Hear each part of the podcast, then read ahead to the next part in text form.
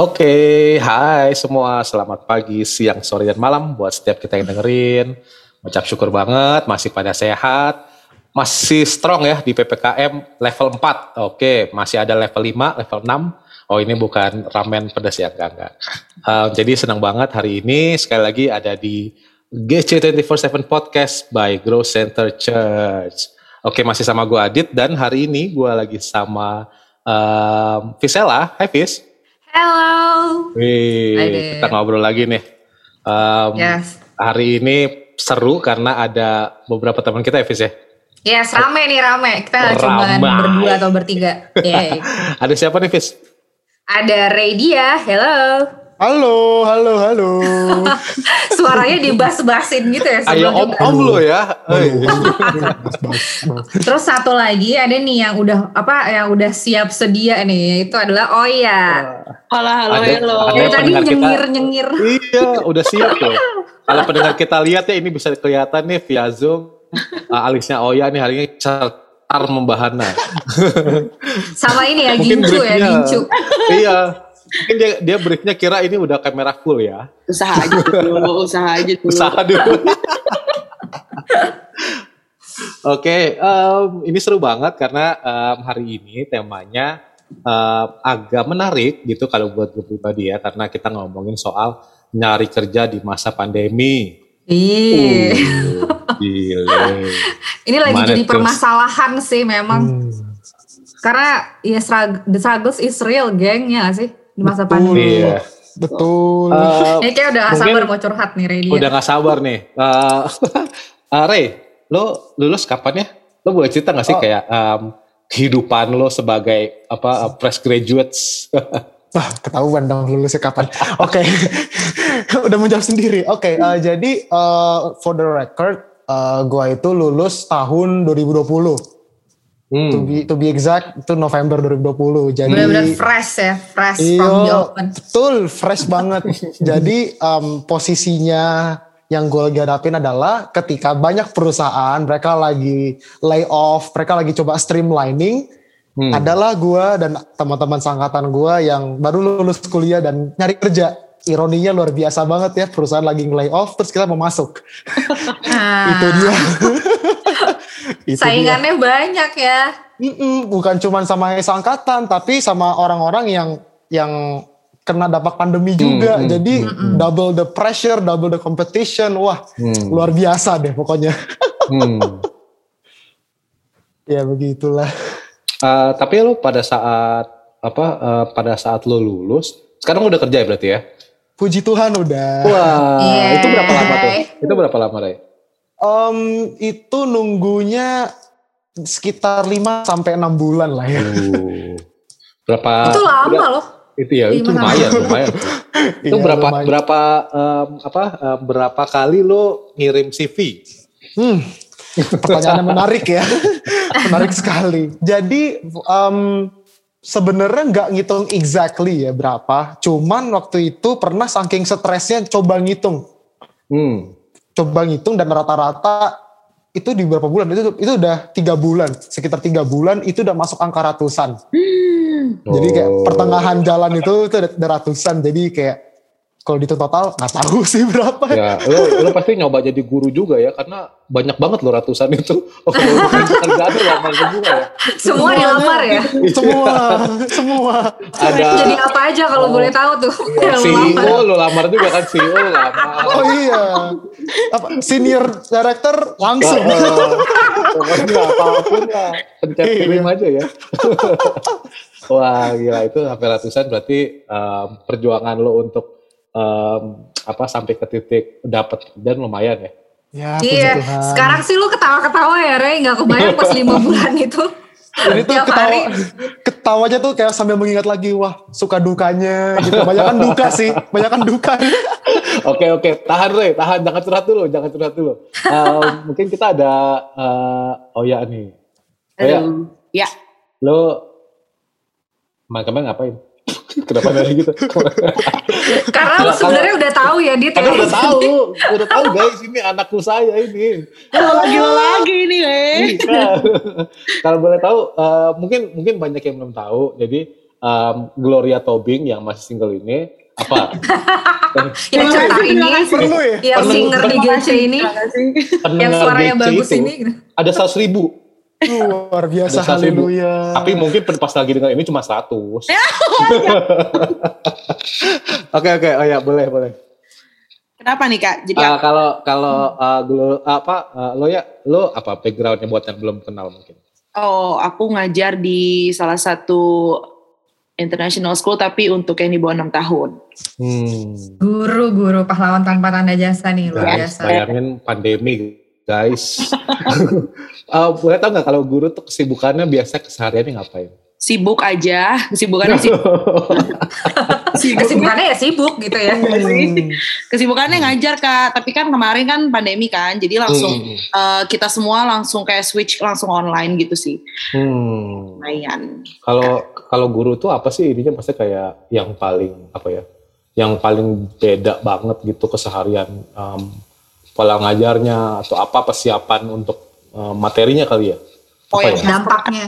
Oh, oh, kemarin banget ya pas kemarin on uh, switching dari switching dari offline ke online adalah kita harus persiapkan semua materi secara a month before. Jadi kayak in advance gitu kayak tiga bulan sebelumnya dua bulan sebelumnya kayak gitu gitu sih. Itu yang bikin beda. Kenapa? Karena kan kalau misalnya kita on uh, uh, offline gitu langsung ketemu anaknya tahu what to do gitu kan tapi ini online guys switchingnya lumayan susah Berarti kalau kalau online em, persiapan apa berkali-kali sebelumnya, tapi ada ini nggak?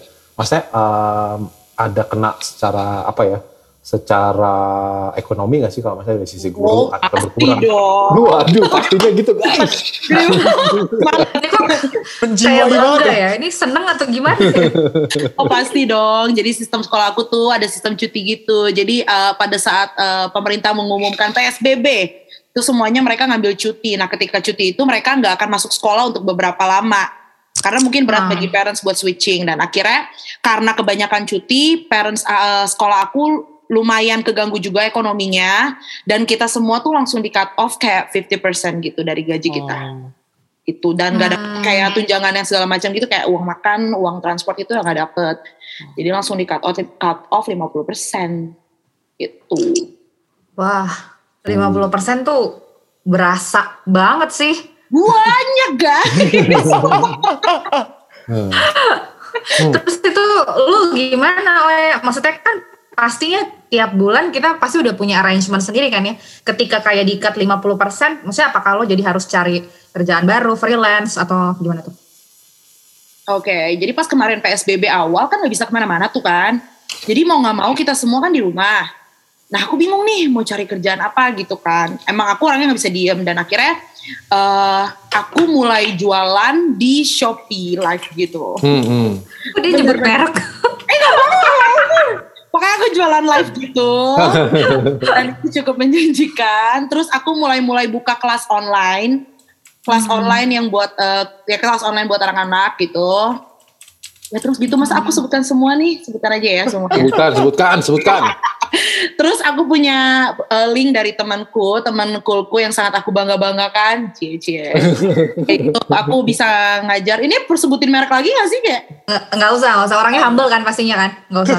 Humble sih. Maksudnya Perusahaannya humble ya? Perusahaannya humble gak nih? Belum IPO sih perusahaannya. Wadaw, wadaw. jadi kalau jadi aku buka kelas juga buat kids fun tipitis kayak kelas untuk eh, karyawannya anak-anak kayak Gojek gitu. Hmm. Hmm. Ah, ah, begitu. Pokoknya prosesnya panjang guys sampai Oh. gitu. lumayan juga ya, oh ya, maksudnya kayak apa yang, maksudnya untuk menutupi itu lo harus jadi berkali-kali lipat gitu. Hmm. Mungkin kalau apa eh, balik lagi, gue nggak tahu pengalaman kalian ya, masih kita mungkin ngobrol aja ya, Eh, pengalaman kalian selama pandemi nih, em, apa mungkin ada ada kegalauan apa em, kerjaan gitu ya, em, kegalauan apa ekonomi juga, dampaknya kena juga gitu. Nah, em, apa yang paling sulit waktu itu? Maksudnya apakah em, apa motivasinya kah? Apa yang paling berat untuk em, dilewatin ya? Mungkin dari Ray dulu kayak Ray. Paling sulit sih kalau di flashback sebenarnya satu sih yaitu gimana caranya tetap percaya sama Tuhan meskipun realitanya tuh sucks banget gitu. Hmm. Kayak di saat itu tuh posisinya adalah ngelihat firman Tuhan tuh cuman kata-kata klise doang. Hmm. Kayak apaan sih ini ini firman Tuhan kayak apa ya eh, ngomongnya gue bakal diberkatin Tuhan jagain gue segala macem tapi yang terlihat sekarang tuh nggak seperti itu gitu kayak agak sulit gitu untuk percaya sama Tuhan at first ya. Karena eh, ya balik lagi gitu ngelihat orang ini salah juga sih. Dulu kan suka membanding-bandingkan dulu ya. Jadi tuh kayak ngeliat kalau misalkan teman-teman gue tuh mereka udah pernah dapet gitu kan. Dan kayak ada satu jealous gitu loh. Aduh kenapa kenapa gue nggak dapet dapet ya? Teman-teman gue pernah dapet gitu. Terus tambah lagi terus jadinya at some point juga menyalahkan Tuhan kan gue percaya sama Tuhan gini gini nih kenapa Tuhan gak bukain jalan sih ini ini, ini segala macem jadi baik Hmm. mengeluh jadi dan saya percaya sama Tuhan gitu Hmm. kayak eh, gitu sih dan jadi baik overthinking juga dan terlalu mengandalkan logika inilah karena realitanya berat Kita berat ya. iya Wah. gitu itu paling berat sih Kalau oh ya, lo gimana? Apa yang lo rasakan paling berat banget yang kemarin? Paling berat banget ya. Ini aku realistis ya. Hmm. Bagaimana caranya tetap bisa memenuhi kebutuhan? wow itu sih. Karena Nah, ya ya ya gitulah kak memenuhi kebutuhan yang banyak itu dan Hmm. tetap tidak ada maksudnya tetap tidak ada yang kayak pengurangan sedikit pun kan setidaknya kan kehidupan terus terus berjalan hmm. jadi ya semuanya harus tetap dicukupin seperti itu sih kekurangannya sih. Hmm. Hmm. Kalau dari cerita lo kan oh ya tadi maksudnya akhirnya lo punya banyak freelance, terus abis itu ada sama tadi kids funtivities gitu-gitu ya. Nah itu kan inti itu kan kayak resultnya gitu. Boleh Hmm. ceritain dikit gak? Akhirnya lo bisa dapetin itu tuh gimana? Karena kan pasti nggak tiba-tiba di depan mata kan, tiba-tiba dapat freelance, dapat apa gitu. Apa sih yang lo yang lo usahakan gitu? aku percaya banget kalau misalnya apa yang kita lakukan detik ini itu adalah buah dari yang hasil kita kemarin-kemarin Hmm. Tuh. Wah. Jadi ketika aku eh, ketika aku melakukan mungkin pekerjaan aku yang kemarin-kemarin itu let's say jangan 100% lah ya. 90% gitu. Pasti ada buahnya yang bisa aku nikmatin saat ini gitu. Nah, seperti itu juga yang halnya Kak Fisal tanya tadi, kenapa aku bisa sampai detik ini? Mungkin karena pertama eh, aku menjaga hubungan baik dengan partner aku kayak gitu. Karena aku bekerja untuk Hmm. sekolah, berarti kan aku menjaga hubungan baik dengan sesama rekan guru dan juga bersa- eh, sesama orang tua kan Hmm. Hmm. Yang kedua. Terus eh, nggak cuma itu tapi aku juga tetap gak jauh. Dulu jadi kayak ini kayak kesannya kayak aku promosiin cool tapi emang bener-bener eh, cool itu membantu aku banget gitu. Aku banyak dapat insights terus dapat ini juga kayak link gitu kerjaan juga kan dari teman komsel aku kayak gitu-gitu sih.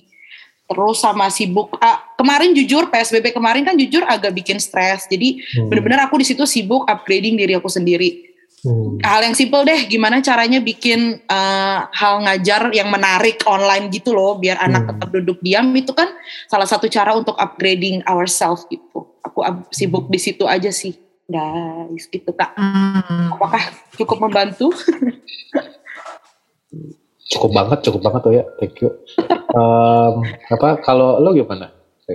Hmm, kalau gue ya, kalau gue sih yang pertama sama sih kayak mirip sih, apa upgrade diri. Cuma mungkin bentuk upgrade-nya beda ya. Hmm. Kalau gue tuh cara gue upgrade adalah dengan ngikutin um, online classes gitu.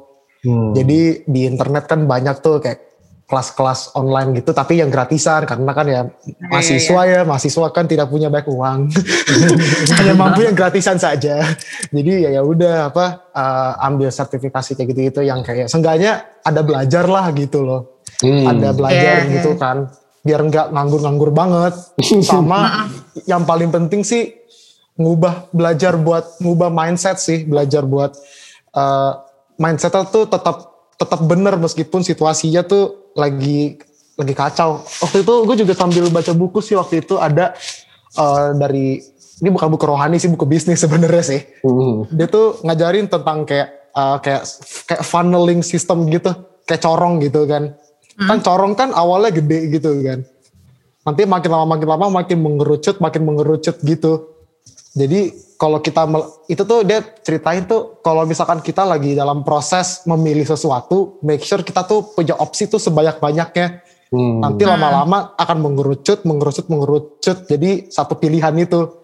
So Nah, good. makanya makanya tuh kenapa eh, setiap ha- makanya aku kalau tadi gue bilang di awal kan nge-apply kerja tuh bisa sampai ratusan gitu-gitu ya karena se- setiap hari itu adalah on average 3 sampai 4 lowongan yang di yang di yang aku apa namanya aku Kirim. kirim di LinkedIn gitu. Jadi harapannya dengan banyaknya apa application yang dikirim seenggaknya adalah beberapa yang nyangkut. Jadi nanti Hmm. step-stepnya dari beberapa yang di view nanti mengerucut jadi sedikit yang interview, nanti mengerucut nanti jadi yang dapat offering, nanti mengerucut jadi yang dapat itu sistem apa funnelingnya kayak gitu ya aku belajar dari buku itu sih. Dan itu problem solving 101 bukunya tuh. Jadi promosi ya. Problem solving 101 yang ngarang Ken Watanabe. Bagus banget. Oke guys, silakan. Iya, ya itu dia mengapa lo daftar semua ya dari director, CEO, gitu. nanti sebut. dikerucutin sendiri. sebut Iya. sebut sebut sebut dah sebut semuanya dah apa karena gitu yang lucu tuh yang lucu tuh kalau misalkan waktu itu uh, misalkan ketemu teman-teman nih seangkatan kita tuh entah kenapa kita punya filter sama eh lu daftar juga? Lu daftar belum? Udah lu sebut apa yang lu da- yang lu daftar? Udah udah, udah. jadi kayak kayak di tongkrongan tuh kita semua tuh daftar hal yang sama gitu. Karena kita sama-sama sama-sama nyari juga gitu kan. Jadi saking banyaknya gitu kita lu apply. Jadi kayak lu daftar belum? Udah udah lu udah belum. Eh belum deh eh, ikutan deh. Jadi kayak event gitu seakan-akan. Jadi karena ya udah saking desperate-nya gitu. Jadi kayak udah bodo amat lah daftar daftar, daftar, daftar. Iya, iya. Iya. gitu Eh, tapi Ray gue mau nanya deh. Eh, ini kan 5-6 bulan tuh nggak bentar ya. Terus kalau dari cerita lu nih, lu apply banyak banget gitu. Terus barusan lu juga cerita teman-teman lu juga apply yang sama. Mungkin mungkin eh, temen lu ada yang udah dapat duluan gitu gak sih? Nah, yang bikin lo pernah nggak ngalamin kayak yang benar-benar down banget mau nyerah yang yang tadi kan lu sempat nyinggung tuh perubahan mindset tapi boleh gak sih diceritain lebih detail sebenarnya apa sih yang lo rasain pada saat itu Hmm. pernah nggak? Apa gitu? Ada momen-momen nggak enaknya nggak gitu? Gue kepo aja kepo. Siapa tahu kan bisa jadi berkat buat yang lain ya. Eh, kalau yang dirasa sih yang pertama itu tadi kan jealous. Hmm. orang lain dapet gue enggak Ah, itu eh, aduh kayak jealous banget gitu. Kayak maksudnya jadi dan dari situ jadi berpikir am I good enough? gitu. Hmm. jadinya tuh em, apa namanya ngerasa kalau kayaknya value hidup gue kurang gitu. Karena it seems like apa yang gue punya sekarang tuh nggak dinotis sama orang-orang di luar sana gitu. Hmm. kayak dan jadi mempertanyakan gitu kayak apa namanya em, apakah gue layak dan segala macam gitu. Jadi itu sebenarnya uh, ini to be honest ya courses yang gue ambil waktu itu sebenarnya tuh in retaliation buat itu karena ada rasa itu. Jadi sebenarnya bukan murni mau improve diri sih. Bukan murni seperti itu tapi realnya adalah karena dasarnya karena ya itu uh, merasa kalau gue tuh kurang cukup gue tuh nggak cukup. Gue tuh uh, apa namanya uh, apa namanya kayak gue tuh kurang banget. Gue tuh um, orang tuh nggak notice gue makanya gue harus berusaha gimana caranya uh, orang-orang ini notice gue gue harus bikin gimana caranya recruiter tuh notice gue jadi ya tuh yang terjadi tuh malah berusaha hidup tuh jadi uh, striving untuk dapat approval dari orang lain gitu. Wah. kalau orang lain gak approve ya harga diri jatuh. Jadi se- jadi kayak itu yang dirasa gitu. Jadinya tuh um, hidup tuh kalau mau suka cita tuh susah gitu. Hmm. kalau dapat email sorry lamar anda nggak nggak di nggak kita lanjutin. Itu tuh kayak oh my lord gitu. Iya, apalagi iya. Apalagi tuh diterima karena ngirimnya banyak otomatis kan tolakannya juga banyak Betul, itu. Jadi sehari sehari bisa ada dua atau tiga gitu kan. katanya mendingan ditolak kerjaan apa ditolak pacar nih ya jadi melenceng Eh, kita Langsung juga diem sesuai. Beda, beda Kita, kita kamar, judulnya beda- men- mencari pacar di masa pandemi kan? Waduh. Udah ganti di tengah-tengah kan? kayaknya episode lain deh, episode Oh, lain. itu episode lain ya, Episode lain. Aduh. terus terus terus Em, ya kurang lebih gitu sih apa merasa kalau gue tuh I'm not good enough gitu dan Hmm. jadi comparing sama orang lain gitu dan um, jadinya tuh setiap jadi gitu apa namanya um, setiap hal tuh jadinya jadi dipikir pikir overthinker tuh padahal orangnya tuh gue tuh orangnya bukan tipe pemikir banget Hmm. Apalagi karena lu punya banyak waktu kosong ya. Jadi kayak Hmm. pikiran ke mana-mana. Makanya Iya. penting tuh tadi upgrade diri. Biar ada kesibukan. betul betul ya itu Terus akhirnya nih lu keluar sebagai pemenang asik. Itu Asik. gimana tipsnya? Nah, ini lucu nih. Lucunya adalah kerjaan yang gue dapat sekarang itu bukan dari yang gue lamar-lamar di LinkedIn itu. Hmm. Jadi ratusan-ratusan itu ya entah gimana nggak itu nggak nyangkut atau gimana nggak tahu. Karena pekerjaan yang sekarang itu bukan dari bukan dari link apa yang gue apply di LinkedIn, tapi dapat dari email kampus. Hmm. Jadi kan em, apa namanya? Gue masih sering dulu tuh buka-buka email apa buka-buka email terus kayak adalah dari kampus ngirimin.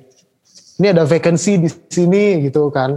Nah, dari situ gue coba iseng aja lah kirim email. Mindsetnya iseng-iseng berhadiah gitu kan. Ya kalau yang dapet ya udah kalau nggak dapet ya juga udah, bia- udah biasa lah. Gitu.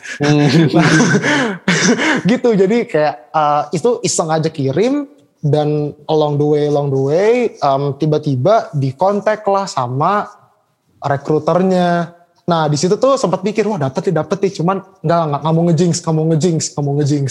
Tunggu sampai tahap akhir. Dan um, singkat cerita akhirnya dapat um, info kalau oke Ray kamu diterima bisa mulai tanggal berapa? Nah pas itu dapet- nangis gak? Sujud syukur gitu gak? Waduh, Eh, enggak sih, to be, eh, to be honest itu, jadi jadi ini lucu dapat SMS itu di SMS btw kan, kayak itu tuh lagi ngantri, lagi lagi lagi ngantri di di lagi mau main golf kan, terus eh, itu lagi ngantri, lagi ngantri itu, lagi nungguin kan lagi rame tuh, terus kayak nungguin, aduh kapan deh, terus tiba-tiba dapat SMS, oh gue dapet, jadi kayak mau kok mau histeris takut dibilang norak apa takut diliatin gitu loh kayak apa orang? Gitu kan aneh banget. Tapi nggak bisa menahan diri. Terus akhirnya cerita ke teman eh cuy gue dapet nih gue dapet dapet.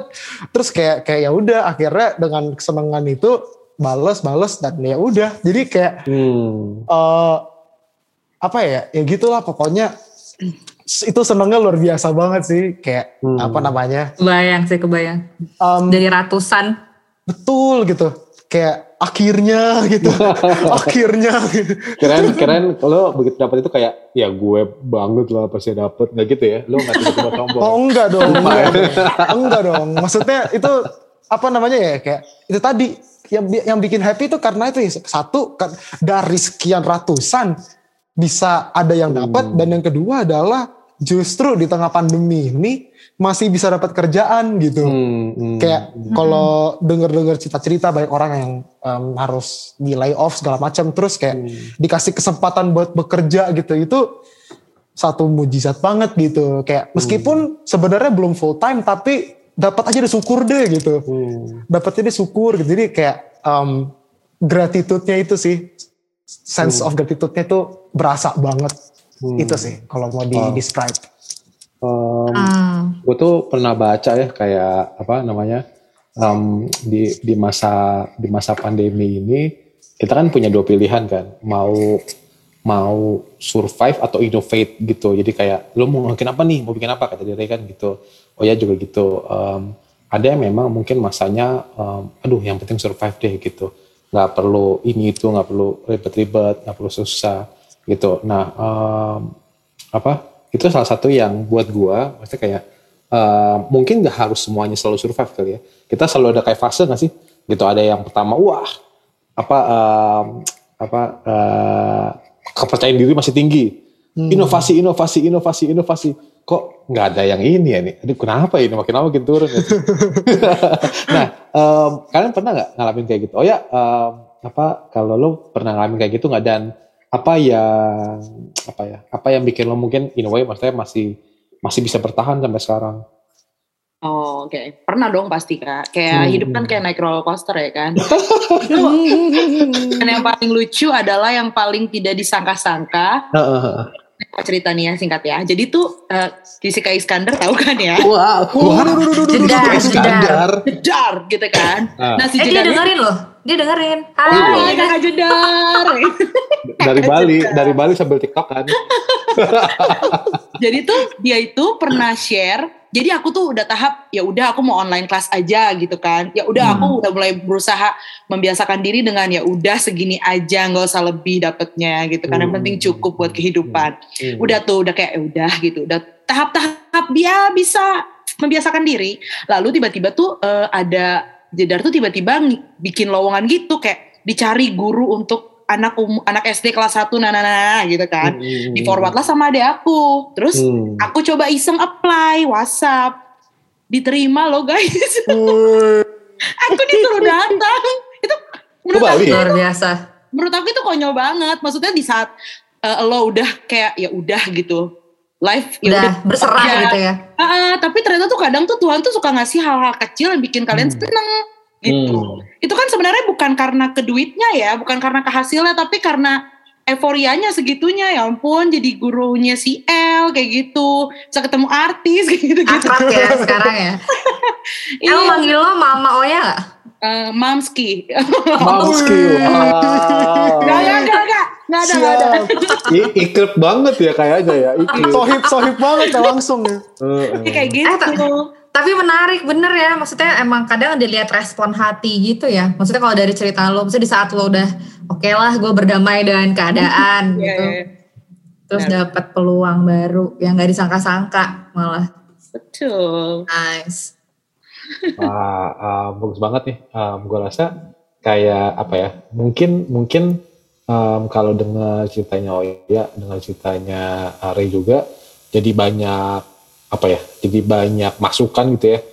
Nggak harus selalu yang namanya em, apa ya? em, optimis banget ataupun ini banget juga nggak apa-apa, lagi down juga nggak apa-apa kali ya gitu. Cuman fasenya. Nah, eh, Fis, lu kan Nah. salah satu yang apa em, bertahan nih di di tiupan badai ini. Andal banget ya. Ya, Andal kayaknya. Um, enggak, enggak, enggak. Mungkin pertanyaan bukan itu. Tapi Visela itu salah satu yang uh, dulu sempat jadi recruiter. Uh, Mm-mm. Mungkin buat banyak orang yang lagi dengerin, um, at least yang mungkin nyari kerja kali ya. Apa sih Mm-mm. yang yang yang dilihat Vis sebenarnya gitu boleh sedikit kasih spill gak sih? Ya, oke. Mungkin tips ini ala gue ya. Jadi maksudnya mungkin orang-orang bisa beda-beda. Cuman hopefully ada yang bisa diambil dan bermanfaat dari sini. Hmm. Sebenarnya tuh gue eh, pertengahan tahun 2020 sempat berhenti kerja juga loh. Terus pindah Hmm, eh, company. hmm, Nah hmm. itu dapat dari LinkedIn. Nah Hmm. jadi mungkin eh, jadi bukan berarti LinkedIn nih sumbernya enggak juga. Poinnya adalah perluas jaringan seluas-luasnya sih, geng. Hmm, Kalau hmm. tadi dengar ceritanya Oya, Oya kan dapat uh, dari parents-parentsnya kan. Tadi dapat banyak freelance dari parents. Berarti dia emang maintain hubungan sama parents, sama kepala sekolahnya lama. Tetap walaupun uh, sekarang mungkin udah nggak di situ, tapi tetap maintain hubungan. Ceritanya Ray dia juga tadi kan dia tetap maintain sama teman-temannya. Mungkin info-info lowongan kerja dari teman-teman lo juga ya Ray, atau dari kampus gitu kan. Terus dia apply LinkedIn bisa sehari sampai tiga kali gitu. Jadi penting banget emang perluas jaringan di mana tempat kerjaan lo itu ada ya. Misalnya kalau guru ya berarti ke parents-parents atau ke sekolah gitu-gitu. Kalau yang profesional yang kantoran mungkin LinkedIn itu bisa dikonsider. Karena gue juga pernah research kecil-kecilan. eh, memang orang buat cari tempat kerja itu di LinkedIn. Jadi rata-rata company juga taruh lowongan pekerjaan mostly di LinkedIn Hmm. gitu. Dan gue pun berdasarkan pengalaman pribadi, ini gue mungkin udah kantor ketiga, eh apa kedua yang gue pindah karena LinkedIn. Jadi bukan bukan karena apply. Jadi menurut gue coba deh eh, teman-teman consider buat up eh, upgrade LinkedIn-nya atau eh, apa deh sosial media yang tempat kalian naruh portofolio. Kalau anak desain kan biasanya beda tuh ya. Update di situ supaya memang jaringannya makin luas. Terus yang kedua, persiapkan diri. Nah, tadi kan Redia sama Oya juga udah bilang ya, kalau di masa-masa menunggu itu hal yang mereka lakukan adalah upgrade diri.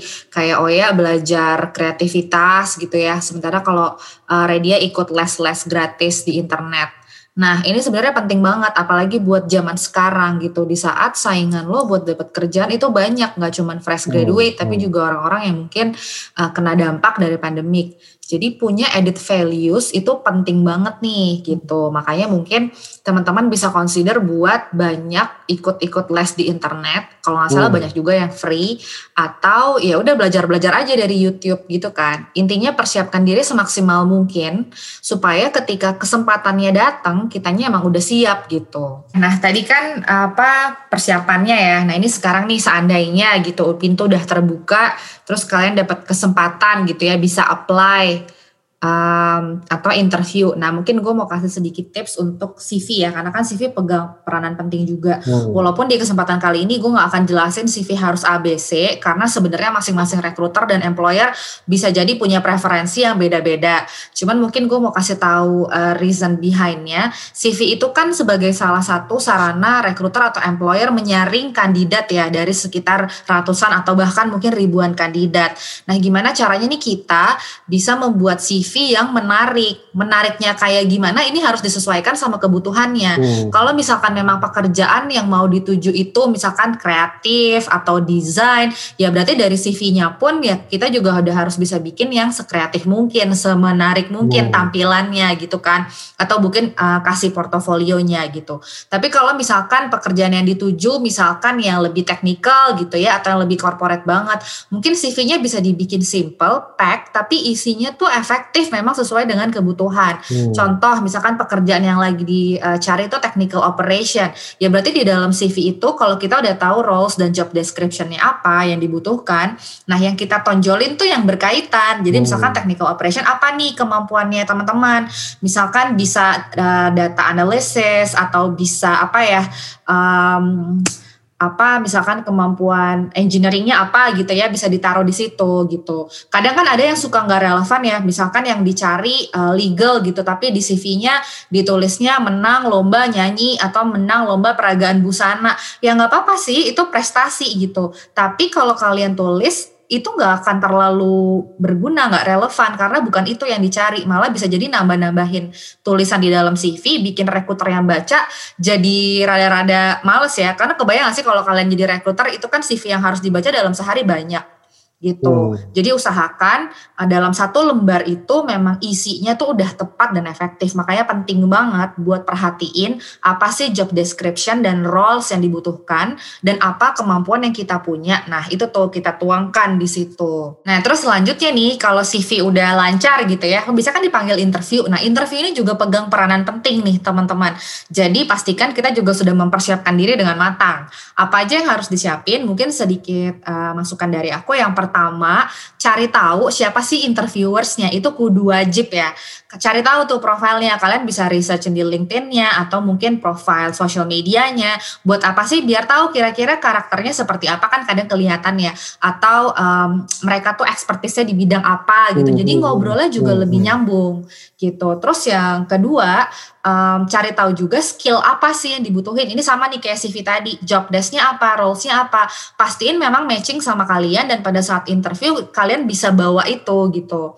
Uh, karena misalkan ya yang dicari uh, finance gitu emang dia butuh orang yang jago accounting gitu. Ya pastiin memang nanti pada saat interview fokus ngobrolnya memang ke arah sana gitu. Jadi kalian paham apa sih yang dibutuhin gitu. Terus yang ketiga ini juga yang menurutku penting banget tapi kadang orang lupa ya itu energinya hmm. gitu karena kan uh, interview biasanya berapa sih? Paling lama dua jam gitu ya ada malah yang cuma 30 menit. Gimana caranya dalam 30 menit itu tuh bisa membuat orang tertarik sama diri kita gitu kan ya. Maksudnya ya obrolannya tuh bisa inspiring terus energinya tuh positif gitu loh kadang orang-orang tuh mungkin apalagi yang udah lama berusaha cari kerjaan tapi nggak dapat dapat ketika interview tuh udah lesu duluan gitu entah kenapa kayak udah nggak pede atau malah nervous gitu nah energi ini tuh sebenarnya bisa kerasa gitu ngerasa kan kalau misalkan uh, ngobrol sama orang yang auranya positif gitu yang memang dia uh, apa sih istilahnya anak zaman sekarang positive vibes only gitu kan.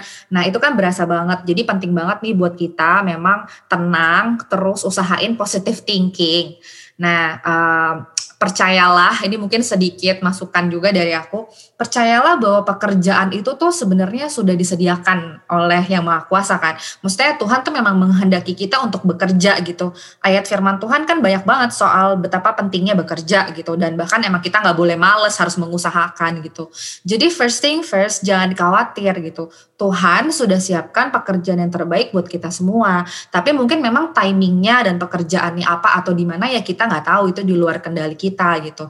Yang bisa kita lakukan nih terus positive thinking aja gitu, terus jaga semangatnya di masa-masa penantian ini. Dan ingat, kalau misalkan teman-teman nggak keterima, bukan karena kita yang nggak bagus loh, bisa jadi ya karena emang belum jodohnya aja gitu. Karena kan preferensi tiap orang uh, tiap recruiter employer atau company itu beda-beda gitu. Ya jadi percaya aja kalau misalkan kemarin-kemarin atau emang belum jodoh atau belum rezekinya gitu ya memang berarti belum tepat gitu. Tuhan sudah sediakan yang lain yang lebih baik buat kita gitu. Emang sih nggak bisa bohong ngejalanin proses interview atau nyari kerjaan ini nggak gampang ya.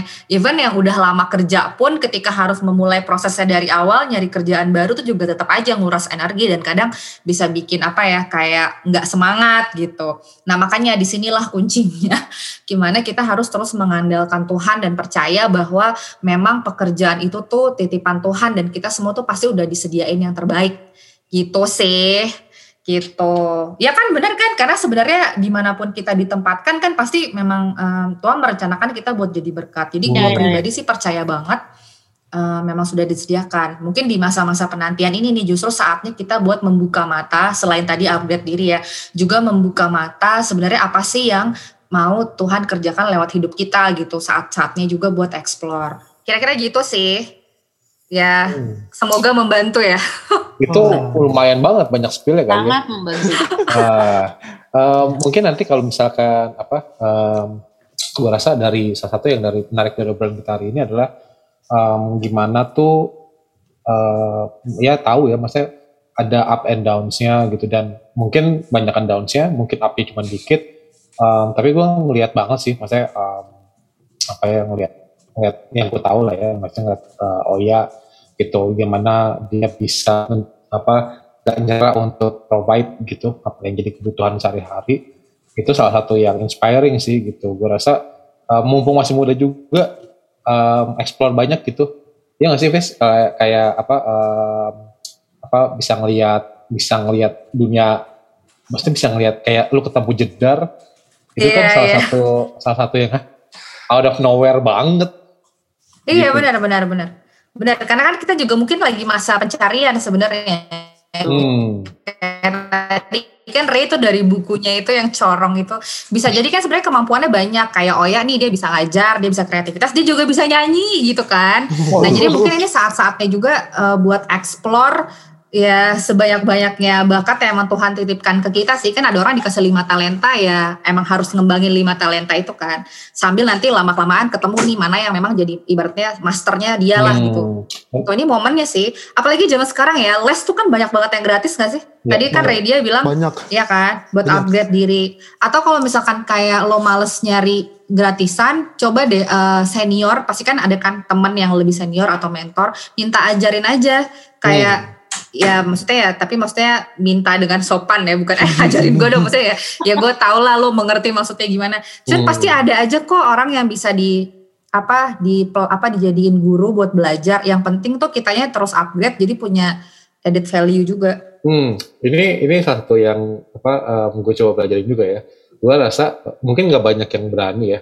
Um, jadi gue tuh lagi nyoba dan ini gue lakukan selama pandemi adalah kayak kalau orangnya bagus eh gue boleh tukeran LinkedIn lu apa enggak gitu ya sama gurunya.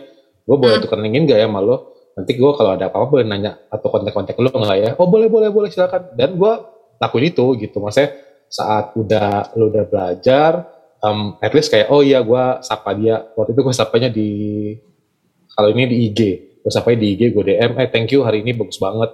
Gitu um, apa thank you udah connecting juga um, ini IG gue dan gue udah connect juga di LinkedIn gitu itu gue rasa salah satu hal yang maksudnya lu explore aja mumpung mumpung apa ya, mumpung online semua gitu.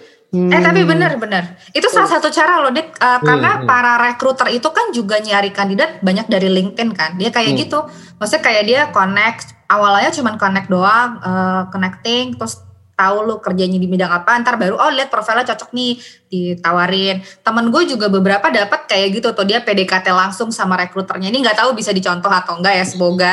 Jadi kayak misalkan nih dia tertarik sama company A dia cari rekruternya siapa di connect di add di LinkedIn diajak ngobrol terus ntar kalau emang ada lowongan jadi kan udah udah lebih gampang ya karena udah kenal gitu ada berbagai macam cara sih kayak Ray tadi yang penting usaha ya Ray Iya. 100 CV ratusan Iya. Pokoknya guys, um, tapi gua itu rasa- benar Dit Iya ya, gue ngerasa kayaknya um, di masa-masa pandemi ini uh, nggak bilang nyari kerja gampang ya. Cuman um, kita punya keputusan, kita punya pilihan untuk mau optimis atau mau pesimis.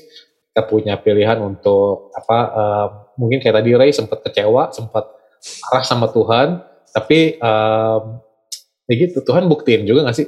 Gitu Tuhan kasih lihat juga kayak enggak, gue masih ada nih sama lo gitu. Jadi um, gue harap ini cerita yang bisa ngeberkatin yang semua yang dengar um, baik dari sisi yang kena banget pandemi potong 50% pemasukannya ataupun memang benar-benar nggak ada pemasukan sama sekali setelah um, apalagi masa nyari kerja gitu ya. Um, gue rasa ini bisa jadi masukan dan input dari Vesela juga bagus banget. Pokoknya um, mungkin nah ini sebagai penutup aja ke anak-anak yang yang lagi mendengarkan semuanya guys. Nggak usah khawatir nggak usah takut. Em, apa? Cari komunitas. Minta tolong Uh. please. Ini ada Visela. Jadi Visela bisa.